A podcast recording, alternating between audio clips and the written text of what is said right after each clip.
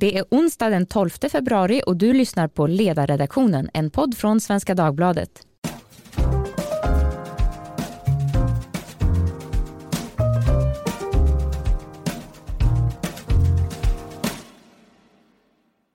Jag heter Maria Ludvigsson och idag ska vi tala om allt som är nyliberalismens fel. Under en lång period har allt mer av vardagens vedermödor klassats som nyliberalism. Allt från rutavdrag till Nya Karolinska och skattesänkningar. Det är nyliberalismens fel, ett nytt mantra som sprider sig från vänster till höger. Inte bara Svenska Dagbladets ledarsida har påpekat att detta är en gravt felaktig bild av verkligheten, liksom av vad nyliberalismen är. Senast tog även statsvetaren och socialdemokraten Stig-Björn Ljunggren ansvar för att reda ordning i denna röra. Det har även Karin Svanborg Sjövall, vd på Timbro, gjort i en text i nättidningen Smedjan.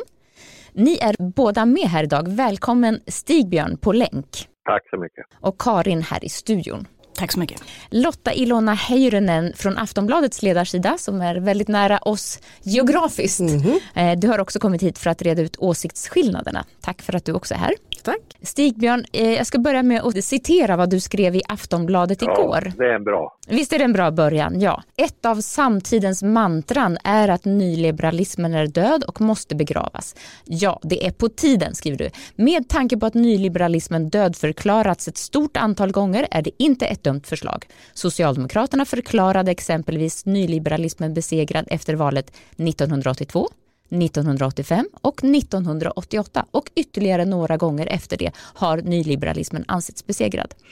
Och du fortsätter. För att gång på gång kunna döda och återuppliva nyliberalismen krävs att den är notoriskt illa definierad. Det som angriper nyliberalismen är oerhört noga med att inte tydligt bestämma exakt vad de anklagar. Nyliberalismen kan vara allt från utebliven snö på julafton till bidragsfifflande välfärdsdirektörer.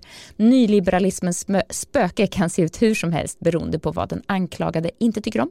Slutcitat. Varför tror du att denna slarviga kritik lever, Stigbjörn? Ja, ja nej men vi har ju alla under varje epok så tar man ju järn mot det som har, har varit. Va? Eh, under det radikala 60-70-talet så, så var det ju liksom, eh, det var sossarnas fel. Va? Eh, de har gått för långt eh, i, eh, i strukturomvandlingen och, och samhället har blivit kallt. Och mm. Det saknades trivsel och sådär.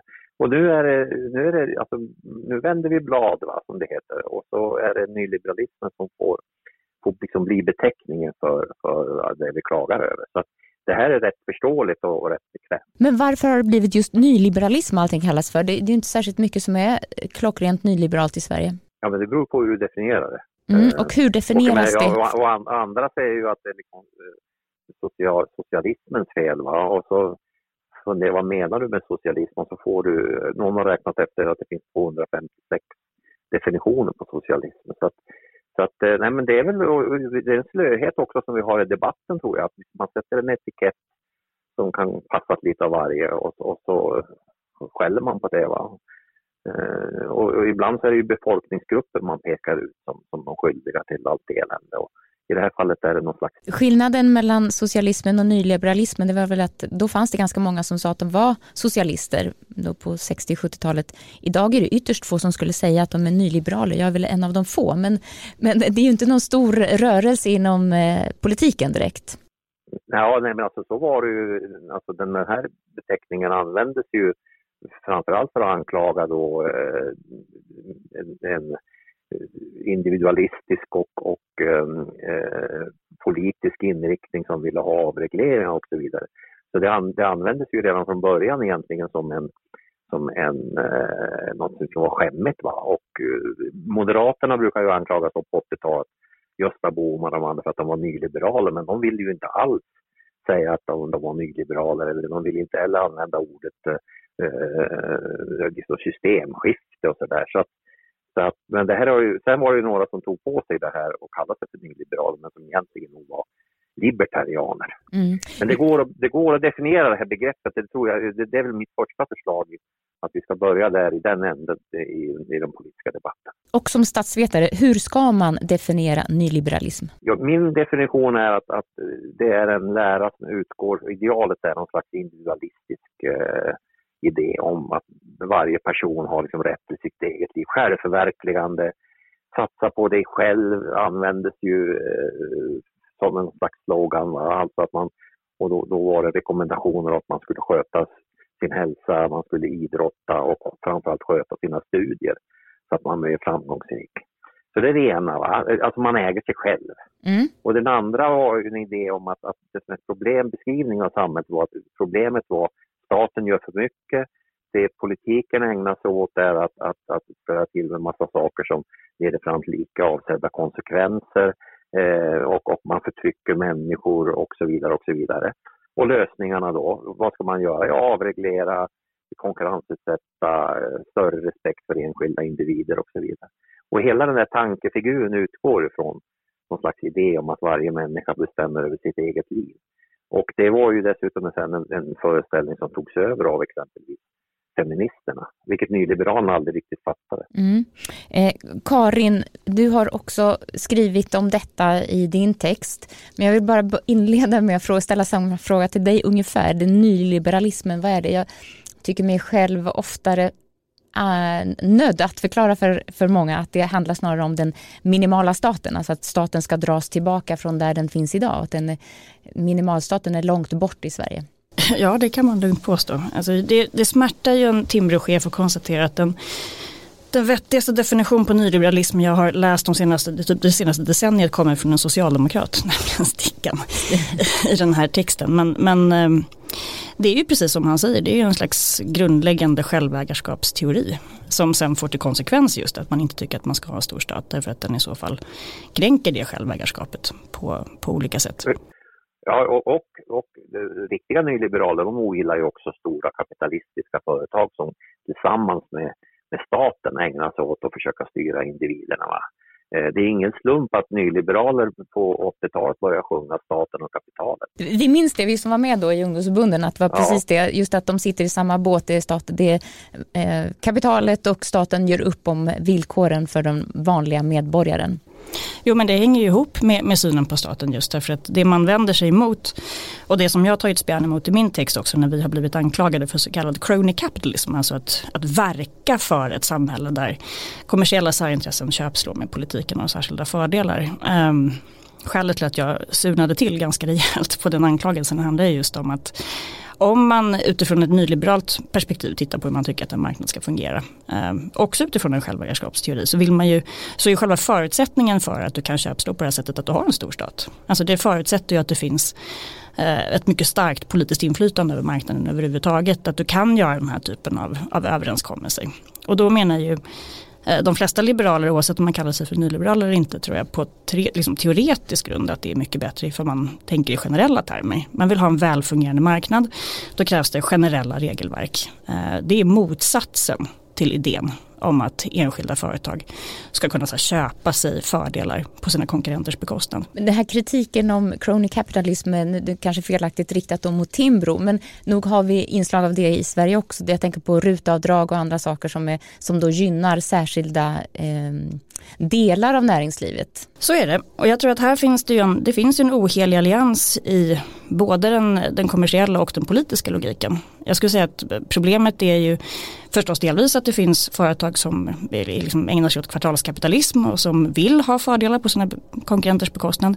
Men det handlar också om en politisk logik där politiker som går till val vart fjärde år behöver liksom köpa fördelar åt sina väljare. Och då blir det så att ifall du kommer från ett skogslän, ja att det blir ganska naturligt för politiker att säga att ja men just skogsnäringen ska kanske ändå ha lite särskilt fördelaktiga villkor. Eller liksom momssatser där vi får helt bisarra gränsdragningsproblem där, där liksom porrtidningar har lägre momssatser än vanliga böcker. Och jag lägger liksom inget särskilt moraliskt i frågan om man ska liksom titta på porr eller läsa böcker. Men att, att det blir ganska svårt att förstå i efterhand varför just vissa branscher ska vara mer gynnade än andra på just det här sättet. Lotta, Eh, på, på Aftonbladets ledarsida. Din kollega Ingvar Persson han skrev att nyliberalismen är stendöd överallt utom i ett land, vårt. Han skriver vårat, men det heter ju vårt. Eh, och jag vill bara fråga, håller du med om detta? Mm, alltså, ja, det, det, på sätt och vis, men, jag tror, men, för, men det jag tror just liksom i den här diskussionen som jag tycker ändå är viktigt att ta fasta på som, som Stigbjörn också är inne på, även om jag kanske inte tyckte att liksom, texten i sig gav väl kanske liksom det mer ifrågasatte de ekonomiska definitionerna, så här, vad lägger vi i liksom politiskt, men just att det är en vag term just nu. Eh, och den används väldigt brett i en aktuell debatt precis som ni säger, både från, från vänster och höger. Men det, och det jag tror att man behöver ha med sig är att så här, det finns en rörelse både i, eh, liksom i borgerligheten, eh, där så PM Nilsson tror till exempel att det kan förklaras av att Moderaterna och Kristdemokraterna nu inte längre har eh, ett samarbete med Centerpartiet. Samtidigt är frågan liksom vilka, vems ärenden, eh, åt vilket håll och vilk, åt vilka väljare vill man appellera med liksom den här kritiken. Samtidigt så ser vi att MUF börjar röra på sig i kritik mot marknad, eh, marknadskrafterna som finns inne i välfärden, särskilt på skolområdet på ett sätt som vi inte har sett tidigare. Och samtidigt så sker det också en debatt inom mm, liksom, delar av arbetarrörelsen som eh, handlar kanske mer om eh, liksom liberalism i form av eh, eh, hur, hur, liksom, hur liberal ska man vara i relation till migrationsfrågan och så vidare. Så det är liksom en sammanblandning av både ekonomi och värderingar och hur man vill att det här landet ska byggas upp och så vidare. Och där, eh, där liksom Aftonbladets ledarsida och även, ä, även jag själv är, liksom, men det här är liksom inte, det är inte nytt för oss att vara kritiska mot marknadskrafter i välfärden till exempel. Eller liksom regelverk som gör att Eh, kommunala skolor eller som har kommunen som huvudmän eh, behöver bära ett jättemycket större ansvar för skolan än vad fristående huvudmän behöver göra samtidigt som de i sin tur har, har, kan, kan göra vinst på ett väldigt liksom, obalanserat system. Och för oss och för mig så är ju det liksom, kritiken mot nyliberalismen. Men i den här debatten så pratar man ju inte bara om det utan man pratar om eh, precis allt beroende på, men som Stigbjörn säger, vad är man kritisk emot och vilken förändring vill man, vill man se? Vilket gör det jättesvårt att föra en diskussion. Det, det riskerar att bli lite slaskigt att man använder begrepp som får eh, det får täcka över allt möjligt. Man kan ju å andra sidan säga att det inte är särskilt nyliberalt att ha ett skolsystem där det till exempel är förbjudet att betala eh, pengar för att alltså, köpa en skolplats eller att ha helt privata skolor. Då kanske man skulle kunna prata om ett mer nyliberalt samhälle än där vi har allting offentligt finansierat men man har då de här skolcheckarna eller vouchers som är väl någon, någon blandning där. Eh, men Lotta, du, eh, du, du, påpekar här att det, det finns en sammanblandning i, eh, och när man säger att Sverige är nyliberalt, håller du med om det? Jag, kan, jag, jag, är inte, jag är själv inte statsvetare, sen får man ju liksom så här, exakt vilka termer, eh, exakt vilken etikett man vill sätta på det här. Så här, jag, håller, jag håller definitivt med om att eh, det, finns, eh, det finns marknadsintressen som har gått in och, och, och söndrat en gemensam välfärdsmodell som, eh, som jag tycker är eh, eh, liksom garanten för liksom, den modell vi har i Sverige och som jag tycker eh, tryggar människors vardag och skulle kunna göra det i mycket högre utsträckning än vad den gör idag. Man kan ju också snäppa upp eh, ett steg här och säga, se lite mer lite metadiskussion om det här då. Det finns ju konvulsioner i debatten idag, inte bara det här kommer, att det kommer till uttryck att allting kallas för att det är nyliberalismens fel, men ser lite grann av det som händer på den andra stora morgontidningen i kritik mot eh, vissa borgerliga partiledare. Och så. Alltså det är en, en ton som skvallrar om att det är någonting här som håller på att hända som vi inte riktigt kan förhålla oss till. Nu tror jag inte att det är nyliberalism, min tanke är snarare min fråga är snarare, kan det vara så att detta att socialdemokratin faktiskt håller på att krympa och bli ett parti bland alla andra på ett sätt som de aldrig någonsin har varit tidigare. Är det det som skapar den här frustrationen eller den här osäkerheten? Debatten blir ju rätt knäpp. Jag, jag, tror att, att Socialdemokraterna inte längre är den självklara fixstjärnan i svensk politik spelar ganska stor roll för det här. Och det är också därför som jag blir så förvånad över att det är väldigt många liberaler som verkar ha så enormt dåligt självförtroende. Jag kan liksom inte tolka det på något annat sätt. Att när man börjar prata om eftervård av reformer eller liksom reformer som, som man satte på plats i början på 90-talet, att man, att man justerar dem allt eftersom. Det är ju inget konstigt men det är liksom en ständig sammanblandning av den liksom principiella basen för en politisk viljeriktning och liksom lagtext.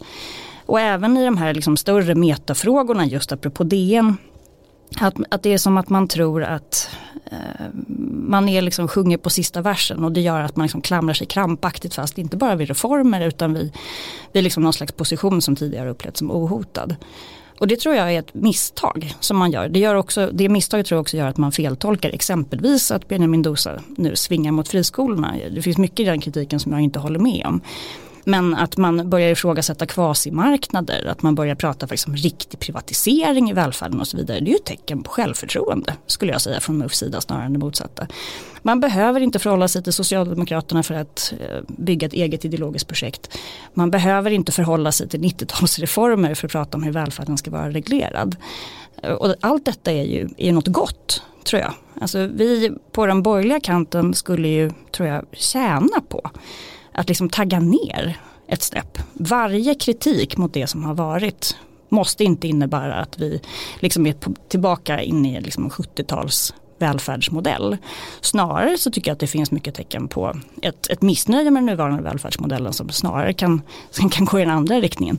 Det är i alla fall vad, vad jag hoppas på. Och jag tycker ändå att jag hittar en hel del belägg för att det är på den vägen vi är nu med privata sjukförsäkringar och så vidare. Skulle du säga att det är snarare brist på nyliberalism som är problemet än att det finns för mycket av det? Ja herregud, vi har liksom haft tio år av total reformparalys. Det har ju liksom inte gjorts ett skvatt i termer av liksom strukturförändringar eh, de senaste åren. Vi är på väg in i en lågkonjunktur just nu som man, man har liksom helt slarvat bort ett decennium i det här kattrakandet kring Sverigedemokraterna. Um, om det är någonting det här landet behöver så är det liksom en frimodig reformagenda som inte är rädd för att förändra det som är. Så att, att vi liksom den här bilden som jag tycker målas upp nu från dels från Göteborgs eh, Postens ledarsida, från Expressens ledarsida på många andra håll om att liksom vi lever i en nyliberal experimentverkstad. Eh, det är som att vi tittar på helt olika verkligheter. Jag kan inte se den. Apropå Expressens ledarsida, Anna Dahlberg skrev, eh, skrev i lördags att ingen kan längre förneka avigsidorna med de ogenomtänkta, hyperliberala reformerna som gav oss etableringslotsar, friskoleskandaler, assistansbedrägerier, utbredd arbetslivskriminalitet och så vidare. Det finns inte hejd på vad det har lett till. Hyperliberala, exakt eh, vad är det? Ja det är väl det, är väl det då. Eller alltså, jag, jag, jag är inte så himla intresserad av vad, liksom, vad, vad det kallas för. Det kan jag ju liksom helt hålla med. Och det, det är, liksom viktigt kritiken. ändå att man kallar liberalism för liberalism ja, men och för, jag tror, för mig, så, alltså, nej, för, kan, kan, i vissa rum absolut. Men, men jag tänker så här på, på, på människor som vill att så här, der, vara var trygga med att deras föräldrar har en äldreomsorg som fungerar, att deras barn har en skola som fungerar, att vården vården ges efter behov och inte plånbok. Alltså sådana saker, det är lite skitsamma vad det kallas då. Liksom. Och, det är ju, och för mig är ju det liksom det viktiga politiska projektet och där kan man ju se att så här, ja det finns saker och ting som, som, som inte fungerar utifrån liksom det samhället som jag vill se och det samhället som jag, eh, som, som jag vill bygga och har all respekt för att den kommer från totalt motsatt håll ifrån, ifrån, ifrån Karin. Så, med exakt, exakt mm. titeln på det. Men jag tror att hela den här debatten idag inte handlar om Socialdemokraterna eller liksom att man har blivit mindre och så vidare. Sen så här, socialdemokratisk kris i sig och den interna debatten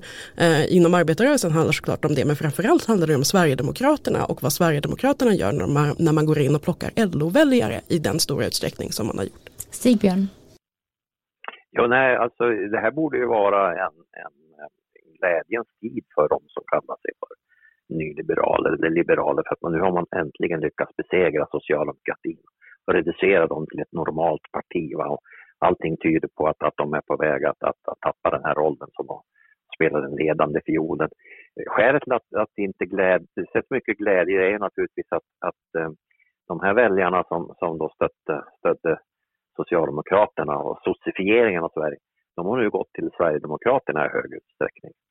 Eh, och, och eh, det är klart att eh, för en person som är liberal så, så finns det väl en del oroande tecken med detta och även globalt om vad som är på väg att hända. Vi, kallar ju detta för den illiberala epoken va? och den auktoritära demokratin och så vidare.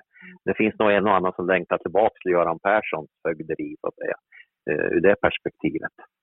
Sen när det gäller hyperliberaler så, alltså, överhuvudtaget så finns det om man ska definiera någon som extrem inom sin respektive ideologi och någon som inte är så extrem, så en bra skiljelinje är ju om man hävdar sina ideologiska principer även om det leder fram till försämringar.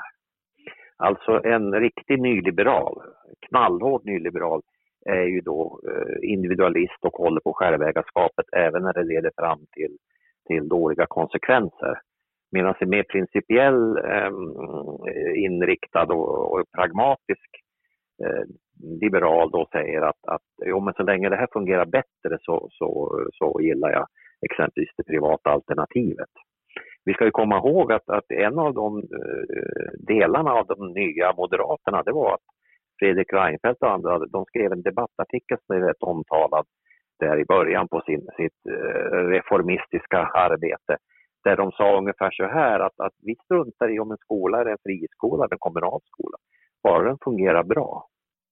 Och detta var ju några som gick i taket på vad är detta? I och med att, att man räknar med att, att en friskola måste ju per definition vara bättre och, och så vidare. Och är man nu på väg att överge detta också va, i den här sossifieringen som, som en del tyckte att, att Reinfeldt-epoken innebar. Eh, och, så, så här, här har vi skiljelinjen, va? Alltså en, en, en hyper, hyperliberal eh, skulle då säga att ja, det blir lite kaotiskt nu med, med man reformerar exempelvis Arbetsförmedlingen men, men i det långa loppet så, så kommer det här att leda fram till någonting bättre. Det går åt helvete först och sen så blir det bra. Medan sen mer pragmatisk liberal kanske är bekymrad över hur det, vilka former det här har skett under. Som en check bara realpolitiskt, vi har fortfarande en av världens eh, högsta skattetryck. Det är ju också en indikation på hur, hur libertarianskt ett samhälle är eller hur, hur stor staten är. Och tittar man på det så är det också en, en definition av hur liberalt är det egentligen. Då får, vi, då får väl några av oss lite smisk. Men detta leder fram, detta leder fram till det mest individualistiska samhället i världen. Och det tar jag också upp i min artikel, alltså de här eh, World Value Survey. Alltså vi är extremistiska. Är det någonting som är hyper så är det individualismen i Sverige. Men är den statssanktionerad? Är den sanktionerad staten menar du eller är det något som kommer av de självägande bönderna och historiskt? Ja, nej men alltså det finns kanske många olika förklaringar men en förklaring är ju att, att den här höga skatter, höga skatter eh, omfattande välfärdsstat har lyft av människor det här så att säga, kollektivistiska ansvaret. Va? Och var och en får nu klara sig eh, med hjälp av staten och, och självförverkliga sig. Va? Att det finns en tydlig koppling, och det kallas ju för statsindividualism. Mm. Så frågan är om, om man som liberal är förbannad på skattetrycket. Eh, ska man inte samtidigt vara glad åt det här individualistiska? Det jag ja, bra, frågar bra du mig ledare du har att skriva där. Exakt. Ja. ja. men jag tror faktiskt jag har skrivit den eh, några gånger. Eh, svaret på din fråga, tackar som frågar, är ju just detta att du blir, den övertygelsen hos en liberal är ju att man inte befrias av det politiska, av, det, av staten. Det, finns liksom, det är inte säkert att det är bättre att vara beho, beroende av staten än av närstående exempelvis. Nej, Nej, nej, och, och Gunnar Myrdal skrev om det här i slutet på 50-talet och början på 60-talet så sa han att det välfärdsstaten gör är nu att, att befria människorna från gammalt förtryck och sätt, de ger dem möjlighet att sätta sig i förbindelse med varandra för att lösa sina välfärdsproblem. Och på lite sikt kommer alltså välfärdsstaten att kunna av, avregleras, försvinna från människors liv så att folk kan klara sig själva i olika typer av kollektiv. Det är en fantastisk vision som ju socialdemokratin tappade bort, där man ju snarare har grävt fast sig i uppfattningen att, att vi nu befinner oss på den högsta liksom, utvecklingspunkten som en civilisation kan ha. Va? Och det är liksom att den här välfärdsstaten ser ut som den gjorde på Mäster Olof. Vi ska börja avrunda men vi måste ändå komma in på det som alltid eh, är närvarande i diskussionen, migrationspolitiken och invandringspolitiken. Där skulle man ju också kunna göra en nyliberal analys och säga att det nyliberala förhållningssättet är att säga ja det är klart ni får komma hit men vi kommer ha en minimal välfärdsstat. Så det hade varit bättre om vi hade haft en så liten välfärdsstat så att vi hade kunnat eh, välkomna fler människor, även en arbetsmarknad som var mer libertariansk då. Eh, men det här är ju sällan någonting som kommer fram i debatten. De som är för eh, en, en friare invandring brukar sällan kritisera välfärdsstaten utan vill ha både och. Vad säger ni om det? jag tänker på debatten som var 2015, då fanns det ju ändå delar av sådana, liksom, det kom också från, från olika håll och kanter. Att, eh, men jag kommer ihåg att jag pratade med, med en, ehm, eh, ändå en eh, högt uppsatt person i Grön ungdom bland annat, som, där, där man drev väldigt hårt att, alltså ideologiskt då, att gränserna ska vara helt öppna och och kostar det att vi har flyktingläger i Sverige. Alltså liksom att man har på något vis separata, eh, det är inte en kritik mot välfärdsstaten men däremot att så här, bättre att folk kommer hit och inte dör och sen om det innebär i praktiken att vi ska ha, eh, ha parallellsamhällen med liksom flyktingläger eh, då, då, då, får, då får det vara värt det. Liksom. Sen vet inte jag om hela Grön ungdom stod bakom det men det var liksom linjer som, som lanserades på lite olika håll eh, och samtidigt så fanns det ju andra liksom politiska rörelser rörelse som är att vi ska stänga gränserna helt, eh, klassiker eh, också i dessa tider. Eh, och också de som menar att nej men det här behöver vara reglerat för att liksom, människor som kommer hit ska också kunna inlämnas i välfärdsstaten. Det är väl de liksom, linjerna som jag har sett eh, i den frågan. Men ingen av dem är ju avskaffa liksom hela statsapparaten, eller förlåt, statsapparaten, precis, tack. Nej, alltså i, i, debatten låter det ofta som att vi hade haft en, en migrationsvåg på grund av att det har funnits fyra nyliberaler som har liksom pratat om vikten av öppna gränser um, liksom i syfte att nedmontera välfärdsstaten. Um, jag tror att man kan räkna dem på en hand. Och även om många av dem är formidabla opinionsbildare så kanske det är lite förenklat att liksom ge dem allt detta stora politiska inflytande.